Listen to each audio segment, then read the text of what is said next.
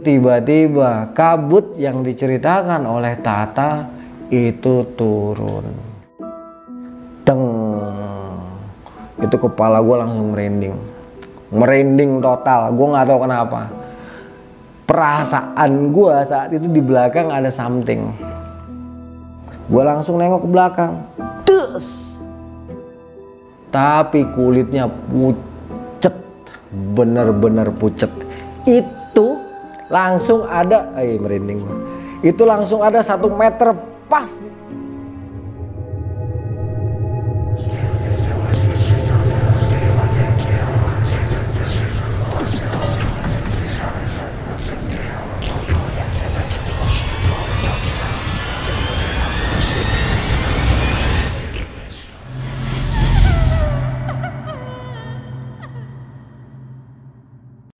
Nah di dalam tidur ini gue bermimpi lagi bertemu dengan teman gue.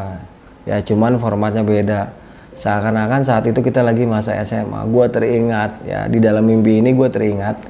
Bukan teringat ya. Jadi adegannya itu adegan di mana saat terakhir dia sebelum berangkat ke Makassar dan satu bulan kemudian ada berita dia meninggal. Ya, di dalam mimpi ini kejadian itu yang ada. Jadi dia ada di kamar gue. Gue kalau nggak salah pulang dari Kawaratu deh gue pulang dari Kawaratu dia udah ada. Katanya dia nungguin gue tuh sebelum dia berangkat. Dia nggak mau berangkat ke Makassar sebelum ketemu sama gue kan? Nah, pas ketemu dia langsung apa bahasa yang pertama kali? Karena dia kan seneng ledekin gue ya. Eh ganteng gue masih inget sampai sekarang. Itu raut mukanya ngomong kayak gitu sambil ngenyek ya. Sahabat gue ini almarhum sahabat gue itu bener-bener semuanya itu masih inget banget. Setelah gue ngobrol-ngobrol ke dapur ngobrol sama nenek gue makan. Itu mimpi gue percis kayak gitu percis adegan dia sebelum dia berangkat ke Sulawesi. Bro semoga lo tenang di sana. Al-fatihah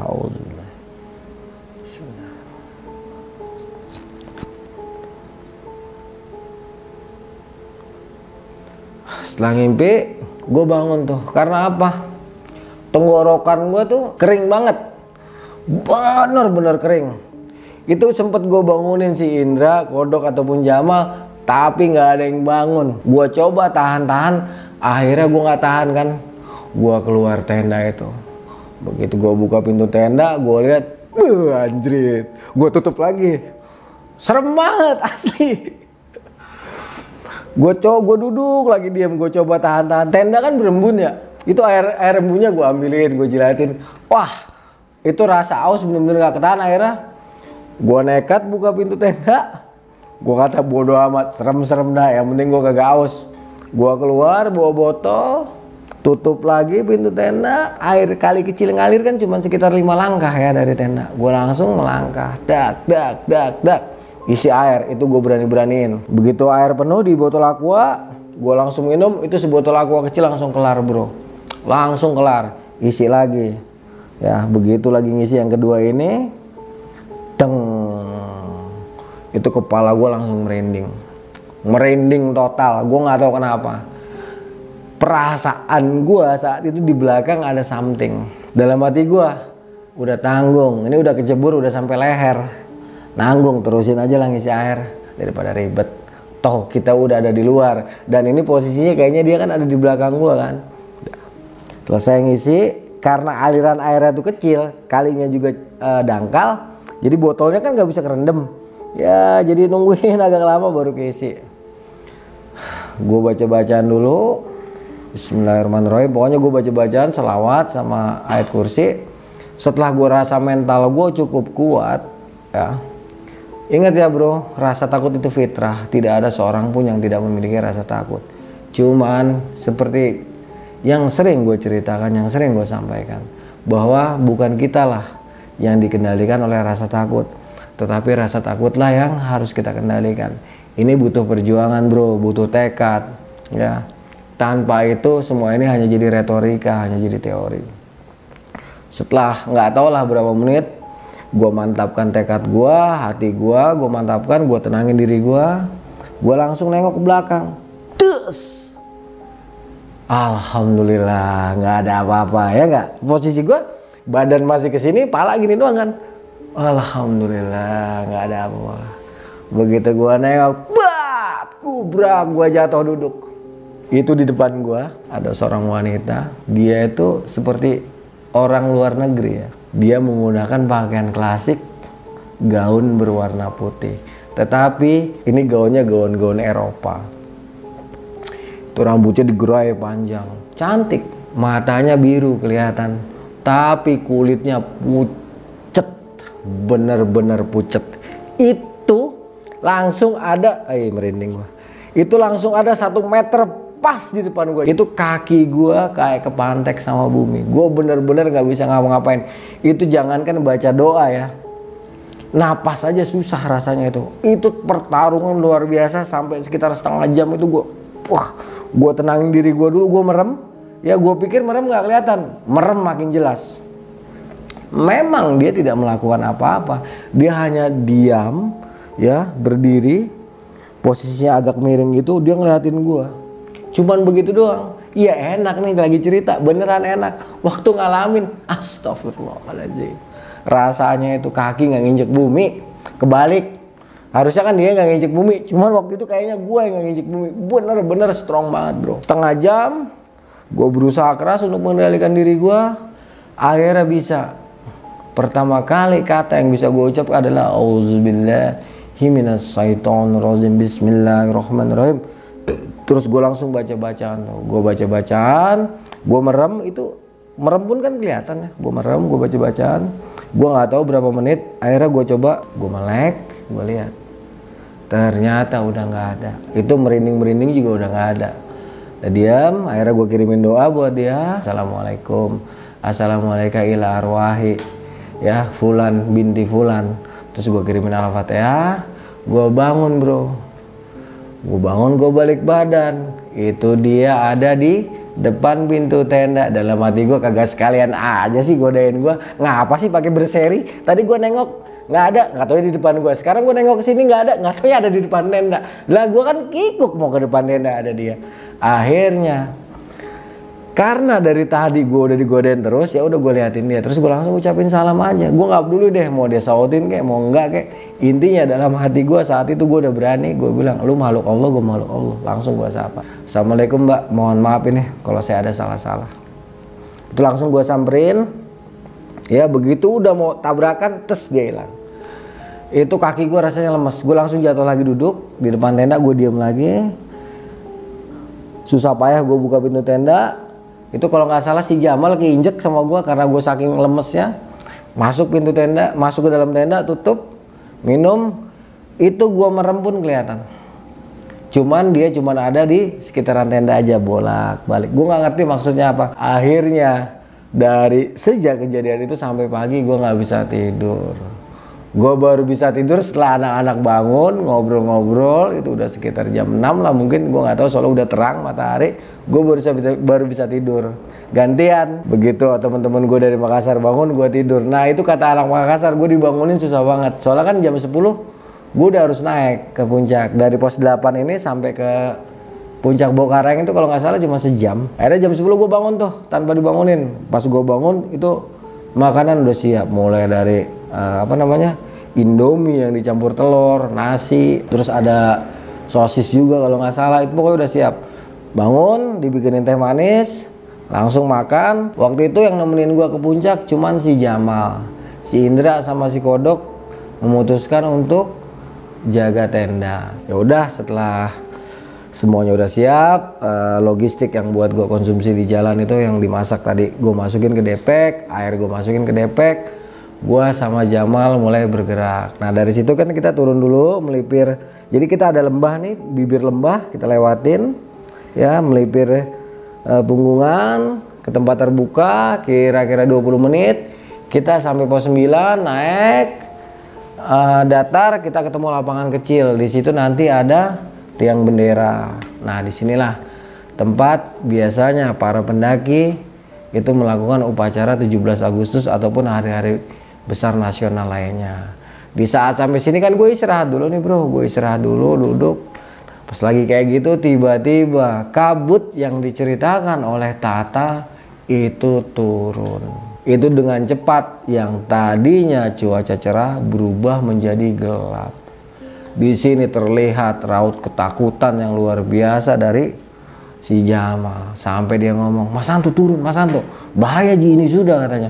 Tadi Tata su bilang, ah, tadi Tata bilang bagaimana ini Ji bahaya Ji. Turun Mas Santo, turun. Gue bilang sama temen gue ini si Jamal, "Eh Jamal, kau tenang dulu. Hidup matiku sudah ada yang atur. Kau tenang dulu di sini Jamal. Kau tenang, kau duduk-duduk dulu." Mas Santo turun, Mas Santo bahaya ini bahaya. Jamal ini benar-benar udah panik banget. Gue bilang nggak bisa Jamal, kalau kalau kau mau turun kau turun saya, gue bilang. Akhirnya Jamal ngikutin gue, sudah Jamal, hidup mati Allah yang ngatur, mendingan kita selawat aja, gue bilang. Terus kita langsung salawatan tuh berdua. Salawatan, gue nggak tahu berapa menit salawatan. Itu kabut tetap masih ada. Jamal tetap maksa untuk turun balik Terus gue bilang sama Jamal untuk yang terakhir kali gue bilang begini, Jamal, kalau kau mau turun kau turun, saya naik. Karena saya sampai sini atas kehendak Allah Jamal. Saya sampai ketemu kamu pun atas kehendak Allah, ya. Saya mau usaha dulu Jamal, masalah nanti sampai atau tidak, selamat atau tidak. Yang penting saya sudah punya ilmunya Jamal. Nah, saya bisa baca situasinya. Kalau memang Allah berkehendak saya sampai ke puncak Bokaraeng, maka tidak ada satupun makhluk yang bisa menghalangi saya. Kalau memang Allah tidak berkehendak saya untuk sampai ke puncak ke puncak Bukareng, maka tidak akan langkah kaki saya ini akan terus berjalan. Pasti saya akan kembali. Akhirnya si Jamal setelah gue omongin kayak gitu dia diam. Jamal, kita naik berdua turun berdua. Kalau kau mau turun, kau tunggu di sini atau kau turun. Akhirnya Jamal memutuskan untuk ikut. Pas kita mulai naik ke atas itu, di sebelah kanan jalur yang udah posisinya tuh udah seperti apa udah hitam batu-batunya tuh udah hitamnya seperti batu kawah gitu. Di sebelah kanannya itu ada banyak banget pohon gua nemu. Tapi ada salah satu pohon yang dia tuh batangnya merah, rantingnya merah, daunnya merah. Gue diem aja ketika ngeliat pohon itu. Gue nggak banyak ngomong. Gue lihat, oh dia ada di kanan jalur. Terus Kira-kira 10 menit atau 15 menit kita sampai di puncak Bukaraeng. Di puncak Bukaraeng ini nggak lama karena kabutnya masih tebal. Kabut yang seperti diceritakan oleh Tata. Ketika sampai puncak Jamal langsung ngomong, Mas Antu cepat foto-foto, langsung turun.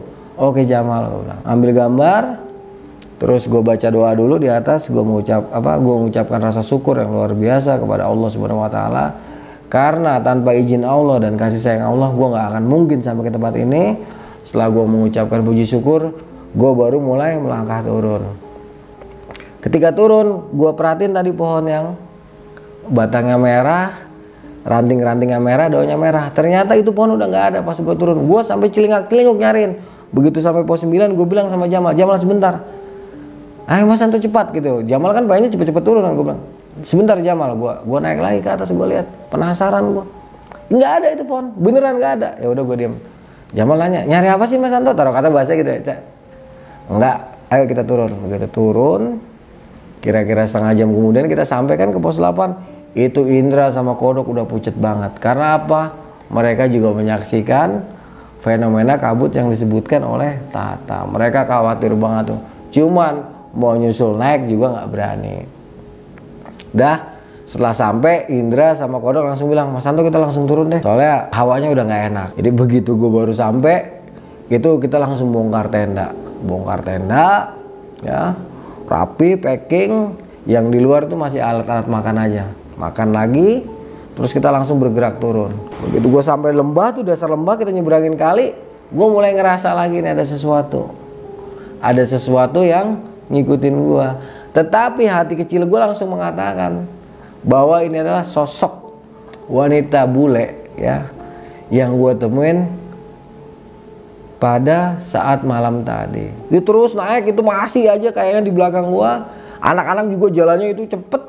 Ya seperti ada sesuatu gue nggak ngerti. Terus sampai kita ke pos 7 di atas itu yang ngikutin gue kayaknya udah nggak ada.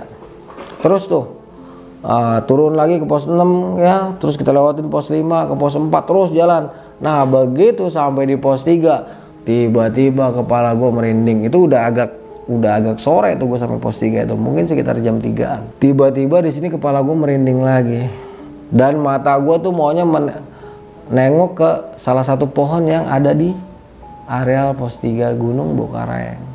Gue liatin dari pohon gue bilang nih ada apaan sih nih sama nih pohon? Gue perhatiin terus gue sambil baca bacaan nggak ada apa-apa cuman hawanya tuh tetap mau lihat situ. Karena situasinya udah kayak gitu uh, langsung gue bilang udahlah cabut lagi jalan lagi gak usah istirahat. Udah langsung kita jalan lagi tuh. Dari dua ke satu hati kecil gue mengatakan ya itu temen gua almarhum temen gua itu jalan di belakang gua kadang di samping gua. Itu dia terus ngiringin sampai ke kebun warga. Ini bener-bener terasa pas gua masuk kebun warga itu tangan gua ada yang narik. Set ditarik ke belakang gini gua nengok. Itu langsung kelihatan teman gua ya. Gua nggak tahu ini apanya kayak apa korinnya apa jin yang menyamar jadi dia. Gua nggak paham lah ya gue bener-bener nggak paham. Jadi ketika gue nengok ada dia terus langsung salaman terus gue bilang sama dia bro mudah-mudahan lo tenang di sini ya. Semoga suatu saat kita bisa bertemu lagi. Sorry gue nggak bisa ke makam lo langsung jalan. Itu pas gue nengok Indra Kodok Jamal udah nggak kelihatan. Mungkin karena dipikirnya kita udah di kebun warga. Dah gue jalan cuek sendirian sampailah kita ke rumah Tata Muding. Di rumah Tata Muding ini ngobrol-ngobrol lah. Baru gue bilang nih sama anak-anak. Nah, gue masalah yang di pos 3 gue tanyain. Di pos 3 ada apaan sih? Gue bilang kayak gitu. Kok lain banget hawanya. Terus waktu di pos 8 gue bilang gitu ya. Itu gue ketemu sosok. Jangan diceritain Mas Santo. Jangan diceritain. Nanti aja nanti aja gitu kata kata teman-teman gue yang dari Makassar. Uh, tapi Tata rupanya dia ngerti bahasa Indonesia ya. Tata Muding ini ngerti bahasa Indonesia. Jadi dia langsung ngomong sama gue bahwa yang gue temuin itu adalah sosok noni Belanda. Terus diceritakanlah sejarah singkatnya. Eh, jangankan pendaki penduduk situ aja. Terkadang masih suka ditampakkan sama dia tetapi dia itu nggak jahat katanya baik. Ya cuman kemunculannya aja yang bikin orang jadi deg-degan wah dalam hati gue masya Allah ternyata dia. Terus gue tanyakan tentang kayu merah itu Tata juga cuma senyum-senyum aja. Dia bilang kalau nggak salah hmm, apa ya itu berhubungan sama seorang pendekar lah atau apa gitu seorang daeng yang sakti mengenai kayu itu. Dari situ juga gue tahu di Bokaraeng itu ada ritual khusus ya dengan gelar Haji Bokaraeng jadi menurut kepercayaan lokal di musim-musim tertentu di bulan haji kalau kita naik Bokaraeng kalau kita beruntung, kita bisa tembus ke kota Mekah. Jika ada orang yang berhasil, uh, dia dapat gelar Haji Bokaraeng. Ini adalah kepercayaan lokal yang harus kita hormati. Barulah gue di situ dapat semua cerita tentang Gunung Bokaraeng. Merinding lagi, iya merinding. Untungnya enggak kenapa-napa. Terus diceritakan kenapa di pos 5 itu juga katanya angker. Menurut Tata juga angker. Karena di situ sering banget turun kabut yang beliau ceritakan. Dan kabut itu benar-benar bisa menyesatkan para pendaki. Karena saking pekatnya ya dari sisi mistisnya masuk dari sisi logisnya juga masuk. Setelah istirahat kita nginep lagi di rumah Tata satu malam. Besok paginya kita baru pulang menuju Makassar di Makassar itu gue masih dua hari lagi. Setelah dua hari gue beli tiket lagi untuk balik ke Pulau Jawa. Kebetulan gue kebagian kapal bagus yaitu KM Lambelua ini kecepatannya lebih dari KM Cermai kira-kira satu malam di kapal sore kita berangkat sekitar jam berapa waktu itu? Oh jam 6 dari Makassar. Itu sampai Surabaya besok sekitar jam 9 malam jam 9 malam gue langsung menuju stasiun Turi gue nginep di stasiun Turi. Siangnya gue naik kereta Kertajaya sampai Jakarta. Begitu sampai Jakarta Ari udah nungguin gue ah luar biasa. Itu sekitar dua minggu ya gue di Makassar ninggalin Jawa. Begitu ketemu Ari itu senangnya luar biasa. Alhamdulillah berangkat selamat pulang juga dengan selamat. Tentunya dengan membawa oleh-oleh cerita yang luar biasa. Itulah kisah gua selama gua melakukan pendakian di Gunung Bokaraeng pada tahun 2005 silam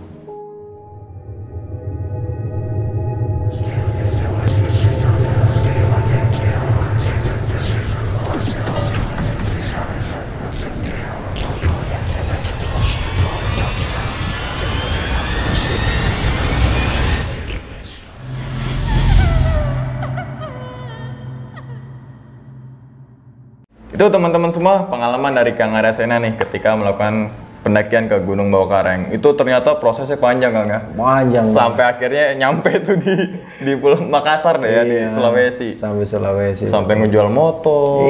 Iya. nggak jual motor nggak jalan gua. Iya. Yang kredit 3 tahun Eh, dijual 2,5. Iya. Dan itu dibagi Kang ya. dibagi lagi ya karena kan kita punya tanggung jawab ya. Betul. Dan tadi eh, sedikit sinopsisnya kan itu panjang banget perjalanannya tuh dari Jakarta ke Surabaya dulu. Keretanya masih kereta Iya kereta zaman dulu. Kereta zaman dulu, Kang, Cuman waktu itu gue naik Kertajaya ekonominya ekonomi mendingan. ya. Hmm, habis itu dia nyambung lagi ke Pelabuhan Tanjung Perak, naik eh, Kapal laut. kapal laut yang RM Cermai ya. KM Eh Jerman. KM Cermai rumah makan. KM Cermai dan itu delay kan ternyata ini juga kapal juga ada delay.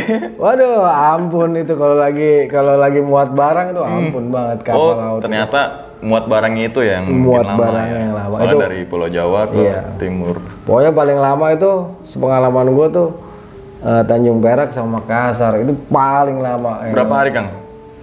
Nyebrang nih. Kalau nyebrang sih eh, waktu itu gue 22 jam ya. 20 sehari ya. Ya sehari lebih. ya. Sehari kurang. Eh enggak, bukan dulu. Sekitar 26 jam lah lebih. Oh, sehari Eh, 26 jam. di laut toh Di yang laut, tadi ya. yang tadi kapal bersandar gede ketika di laut seperti kayak kotak sabun Iya kecil banget bener-bener. Ah, di situ pasti kita inget Tuhan deh. Karena ke mana-mana ngeliat laut sih, Hmm. laut air semua doang kan. ya. Iya. bawah biru atas biru iya, mau biru semua udah. dan pertamanya emang mau naik gunung bawah karang atau latih mojang tuh kang saat itu planningnya Pertamanya dari Jakarta Bokarai. bawah karang Tapi sampai sana ada penawaran gitu bahwa Hmm. yang lebih keren dari Bokareng tuh Latih Mojong. oke Nah, ya gue mau dong karena Latih Mojong tuh gunung tertinggi di Sulawesi. Tapi ternyata setelah dicari info itu posisi gunung lagi nggak boleh ditaikin. Nggak tahu lah kenapa masalahnya. yang penting kita ikutin aja kang ya Betul. kalau tutup tutup udah aja nggak usah melaksanakan pendakian gitu kan nggak usah neko-neko. Eh, nggak usah walaupun pakai akam sih kayak nggak usah gitu Iya. mendingan tunda aja dulu tuh lebih baik gitu Iya. siap pendaki pasti ke rumah Tata itu ya Iya, Tata Muding. Tata Mudin tuh kayak Tata itu bapak Tata itu bapak ya. Jadi Tata Muding itu saat itu yang dituakan lah. oh Nah, karena tiap tiap generasi itu beda-beda. Sekarang nggak tahu Tata siapa yang yang bertanggung jawab di sana. berarti itu kayak tokoh masyarakat tuh kang ya? Betul, seperti tokohnya lah, tetuanya lah istilahnya. Hmm, ketua oke oke akhirnya dikasih pesan tuh ya Dikasih pesan kalau kita nanti ketemu kabut warna hitam tipis mengelilingi kita dari sekitar pos 8 sampai ke puncak Bokareng itu sebaiknya pendakian jangan diteruskan. Ya, Sebaiknya loh. Sebaiknya. Nah, Kira-kira kayak gitu. Oke sampai akhirnya nih eh, Kang Arya bersama rekannya ternyata Kang Arya panggilnya siapa Kang Apa? Anto Anto. Mas Anto nih. Jadi belum mungkin beberapa teman-teman belum tahu nih Kang kan. Ternyata ketika di Makassar, Kang Arya ini biasa dipanggilnya Kang Anto. Iya, karena emang panggilan gue di rumah Anto. Anto gitu. Sampai akhirnya dia melakukan pendakian bersama rekannya dan sampailah di pos 3 di bawah pohon gede. Betul. Situ enak Kang tempatnya ya? Wah enak banget. Wah, enak. Pokoknya kalau kita duduk di situ tuh pewek banget. Hmm. Cuman ternyata di balik semua kenikmatan yang diberikan ada cerita yang cukup menyeramkan. Oh, tapi saat itu temen Kang Arya si siapa? Si Indra ya. Indra, Kodok, sama Jamal. Jamal itu nggak ada yang cerita. Lanjut aja gitu ya. Iya, lanjut aja lanjut. Pokoknya intinya mereka tuh nggak tenang di pos itu. Oh. Nah, jadi gue pengen istirahat lama tapi mereka nggak mengizinkan. Intinya tuh gue tetap harus jalan ke pos 4. Nanti di pos 4 aja kalau Oh bisa. gitu, oke. Dia yang lebih tahu lah ya Mereka kan karakter lebih karakter paham, itunya. iya. Ya, paham. Yang biasanya Bang Jamal, Bang Indra yang nyanyi tuh. Bang Indra. Bang Indra di pos 3 diem tuh Dia dia. ya, nggak ada nyanyi-nyanyi. Lepas pos 3 mau ke 4 baru nyanyi lagi. Iya. Pokoknya gue inget lagunya itu tadi. Oh yang tadi, yang tadi ya. Eh, Kang Arya bersama rekannya itu ngebes dan ternyata di situ nggak ada pendaki lain Kang ya. Betul. Kecuali rombongan Kang Arya nih. Cuman turun naik cuman kita aja waktu itu. Ya nggak tahu harinya apa Kang ya, tapi lupa yang pasti bulan itu ya, bulan Juli ya. Bulan Juli yang pasti itu bulan Juli ya. Pas malam nih Kang. Mungkin kejadian mulai mulai genting kan pas malam nih. Iya, malam. Hmm. Mistisnya ya, pas malam bahwa uh, ada oh niatannya ketika pengen ke ke makam teman Makam gitu. teman Itu ya. baru teringat di pos 8 Di pos 8. Ah, baru teringat tuh sama Nazar kita sendiri Oh. ya. Emang seketika teringat atau gimana tuh? Seketika teringat itu pas di pos 8 Tiba-tiba gue inget dia Terus gue inget waktu sebelum berangkat Oh iya ya gue ada Nazar mau Nengokin makam almarhum temen gue itu Tapi ya itu bingung kan. Bingung karena nggak ada nomor kontak keluarganya juga Akhirnya lupa. Inget-inget lagi di situ. Nah begitu inget gue kirimin doa. Saat lagi serius ngirimin doa Justru perasaan gue saat itu mengatakan Ada dia gitu. Itu temen SMA kan? temen akrab lagi SMA temen akrab banget.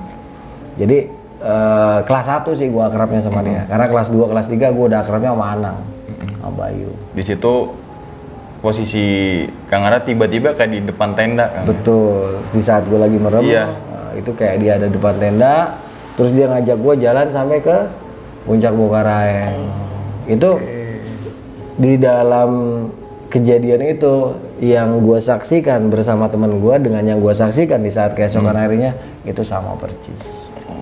Iya, betul sama percis. Tadi lupa gue jelasin ya. Berarti pas naik itu saat malam itu ya Kang? Nggak tahu itu bener fisiknya gitu kan? Yang Iya. bener naik atau bener apanya lah Apanya lah, ya, Pokoknya posisinya gua antara sadar sama enggak gitu hmm, diajak ke atas dia ngomong apa gitu kan? Nggak ngomong apa-apa sih, cuman istilah jalan, gua diajak lihat pemandangan itu di pos 10, terus di, di puncak Bokaraeng juga sebentar. Terus eh, dia ngasih kode untuk ngikutin dia balik lagi ke tenda, begitu sampai tenda dia langsung hilang. Begitu dia hilang gua bangun kan. Bangun terus gua tidur baru tuh gua ngalamin yang tadi. Yang tadi yang Iya. seketika eh, tenggorokan seret lah ya. Ah, jadi sebelum kejadian kan tenggorokan gue Hmm. seret dulu tuh, seret. Buka tenda, anjir serem banget kan, nggak berani. Tahan, tahan lama-lama gue udah apa tuh ngambilin embun Embun, eh kondensasi ya gitu ya. Heeh. Tetap nggak ketulungan juga, akhirnya gue bodo amat dah gue keluar. Nah di luar itulah tadi yang gue alamin. Aduh, Yang tadi ya. Jadi berarti aliran sungainya itu nggak terlalu dalam Kang ya? enggak emang aliran sungai ke- bukan sungai sih. Sungai, aliran kecil aja. Parit ya, parit ya, parit kecil, dangkal banget, cuman airnya jernih banget. Makanya kan tuh ngisi botol itu lama ya, soalnya Lama. nggak bisa kecelup semua. Nggak bisa kecelup semua. Cuma setengah gitu kan, Setengah, ngalir dikit-dikit. Kita cari bagian yang agak rendah tuh. Hmm. Botol pertama aman. Aman. Botol kedua. Botol ya, kedua kok ada something di belakang Iya, gitu kan. ah, betul. Pas nengok belakang nggak ada. ada. Nengok depan, deng. Ah, nggak di depan ya gitu sampai, jatuh, jatuh, Kang, ya? sampai jatuh duduk gua karena emang deket banget semeteran. Itu tinggi dia emang tinggi. Ya perawakan wanita luar negeri lah. Hmm. Iya, berbeda lah dengan perawakan wanita kita kan, dia lebih tinggi. Dia pakai gaun gitu. Betul, gaun khas Eropa. Dasar apa bukan khas Jawa ya, kan ada khas Jawa ya. Ya, Oh, Oke, dan pokok- tapi mukanya pucat yang putih, putih Betul, pucat ya. putihnya pucat, tapi matanya biru itu kelihatan. Bener-bener kulit pucatnya itu walaupun saat itu gelap gulita, Hmm. itu bener-bener kelihatan. Nggak tahu kenapa lah. Jelas, itu pucat banget.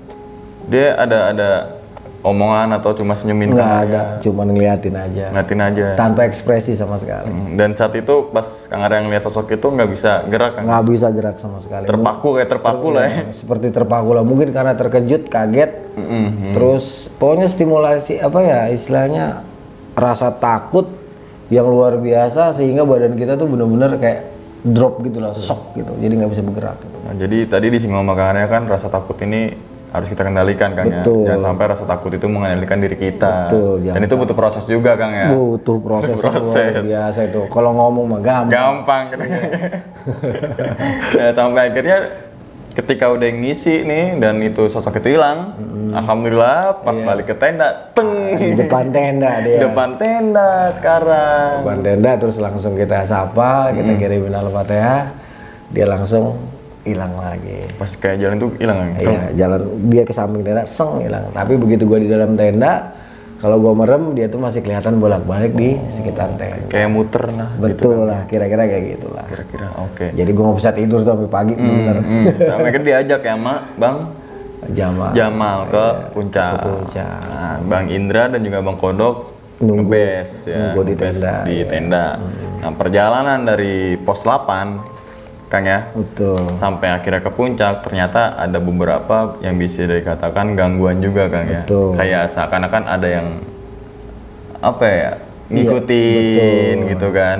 Jadi di pos 10 itu kita ketemu tuh kabut yang Oh iya. diceritakan oleh Tata. Sempet lah Jamal di sini minta turun tapi ya itu karena rasa takut bisa kita kuasai dan kepercayaan kita terhadap Allah dan Rasulnya itu di atas segalanya akhirnya tentunya dengan izin Allah ya kita bisa sampai ke puncak Bukaraheng nah dari pos 10 ke puncak Bukaraheng itu pun gue sempat ngeliat sesuatu yang aneh yaitu pohon nadi batangnya merah, Batang merah. ranting merah daunnya merah tapi pas gue turun itu udah nggak kelihatan gitu. Kalau boleh tuh nih Kang, ini eh, bahas kabut tadi Kang ya. Hmm. Kalau secara ilmiah gitu kan, eh, kabut wajar lah turun di gunung Kang ya. Betul. Tapi tuh kabutnya warna putih atau hitam atau apa tuh Kang? hitam dia kayak hitam tapi tipis Oh tipis. memang nuansanya magis magis banget karena di situ tidak ada eh, kan kalau kabut normal tuh selalu ada ini airnya ya apa Iya, namanya betul. kondensasi Kondensasinya. airnya. tapi itu nggak ada sama sekali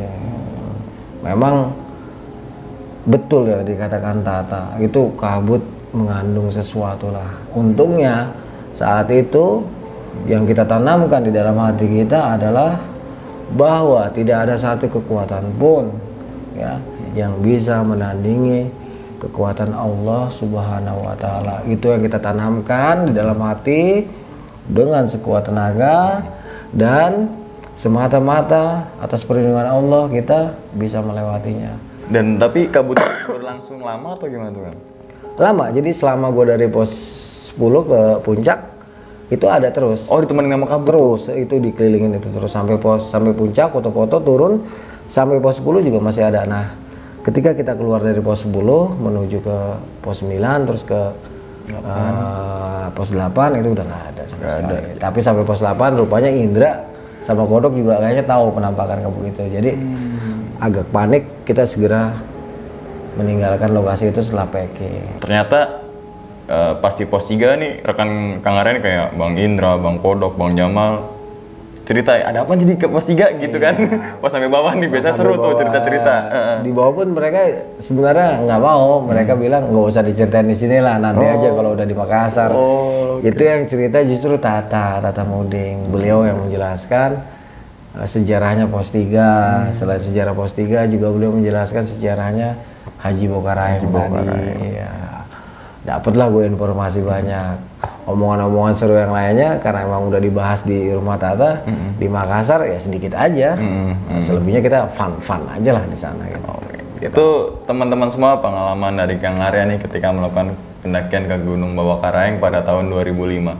Nah, sebelum ditutup nih Kang, videonya mungkin ada pesan atau mengingatkan nih Kang ya untuk teman-teman semua yang mungkin notabene adalah pendaki atau bisa dibilang suka naik gunung atau bisa dibilang hobi naik gunung gitu kan. Betul, ya. Silakan Kang. buat teman-teman pendaki terutama yang udah berkeluarga jadi kalau masih tetap ingin eksis ya kalau memang ada waktu banyak dananya cukup sebaiknya komunikasi yang baik dulu dengan istri kita ya kita komunikasi baik-baik jangan memaksakan kehendak lah karena biar bagaimanapun kita tuh udah berkeluarga kalau emang dapat izin dari istri ya dapat ridho dari istri tentu langkah kita tuh juga enak. Itu buat yang udah berkeluarga ya. Selain itu kasihlah uang belanja istri itu lebih dari biasanya karena kan akan kita tinggal. Iya, iya betul Kang. Itu. itu biasanya kalau udah kayak gitu itu aman itu, itu restu dapat doa dapat senyum dapat alhamdulillah. Kalau buat bujangan ya seperti pada umumnya aja lah kita preparing dengan baik gali literasi dengan baik persiapkan mental dan fisik kita dengan baik terus kita harus sadar ya keberadaan kita kita harus menyadari sejak awal berangkat sampai ke lokasi pendakian kita adalah mata rantai hidup yang harus saling mendukung, melindungi, dan bekerja sama di dalam pendakian kita. Naik selamat, turun pun juga selamat. Tidak ada yang tertinggal kecuali sifat buruk, tidak ada yang diambil kecuali kenangan, dan tidak ada apalah satu lagi gue lupa tuh. Nah kira-kira kayak gitulah. mengingatkan nih Kang Arya untuk yang udah bersuami atau beristri nih Ah. bagi waktu atau izin juga restu lah ya Restu lah, Restu. Itu penting banget itu. Mm, dan kalau bujangan izin orang tua kan ya Betul. tuh izin kayak gitu ya jadi Kelupaan tadi. tadi dicimbukan sama Kang Re siapin Kang ya peralatan literasi gitu kan. Betul, literasi, pengetahuan dan sebagainya. Ketika udah siap dijaga Kang ya jaga sholat jaga alam gitu. Jaga temen jaga diri jaga adat jaga etika. Lo sama semuanya dah jaga dah.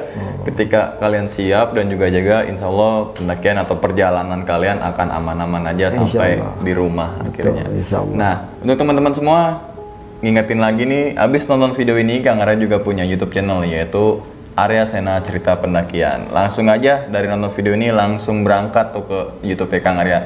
Di situ banyak sekali ya eh, video-video yang mengedukasi kita ya, terutama mungkin notabene adalah penggiat alam bebas, yang mungkin notabene adalah suka dengerin cerita doang gitu Kang ya. Iya. Itu banyak banget nilai edukasinya dan banyak banget Eh, kalau ibarat kata ya dagingnya tuh banyak banget, sarinya tuh banyak banget.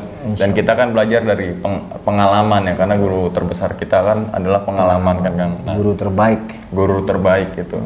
Sampai sini aja dulu teman-teman semua. Pada video kali ini eh, cerita dari Kang Arsena ketika melakukan pendakian ke Gunung Bawakareng pada tahun 2000, 2005. Nantikan video-video gue berikutnya. Hal gaib itu muncul ketika sugesti kita buruk. Wassalamualaikum warahmatullahi wabarakatuh.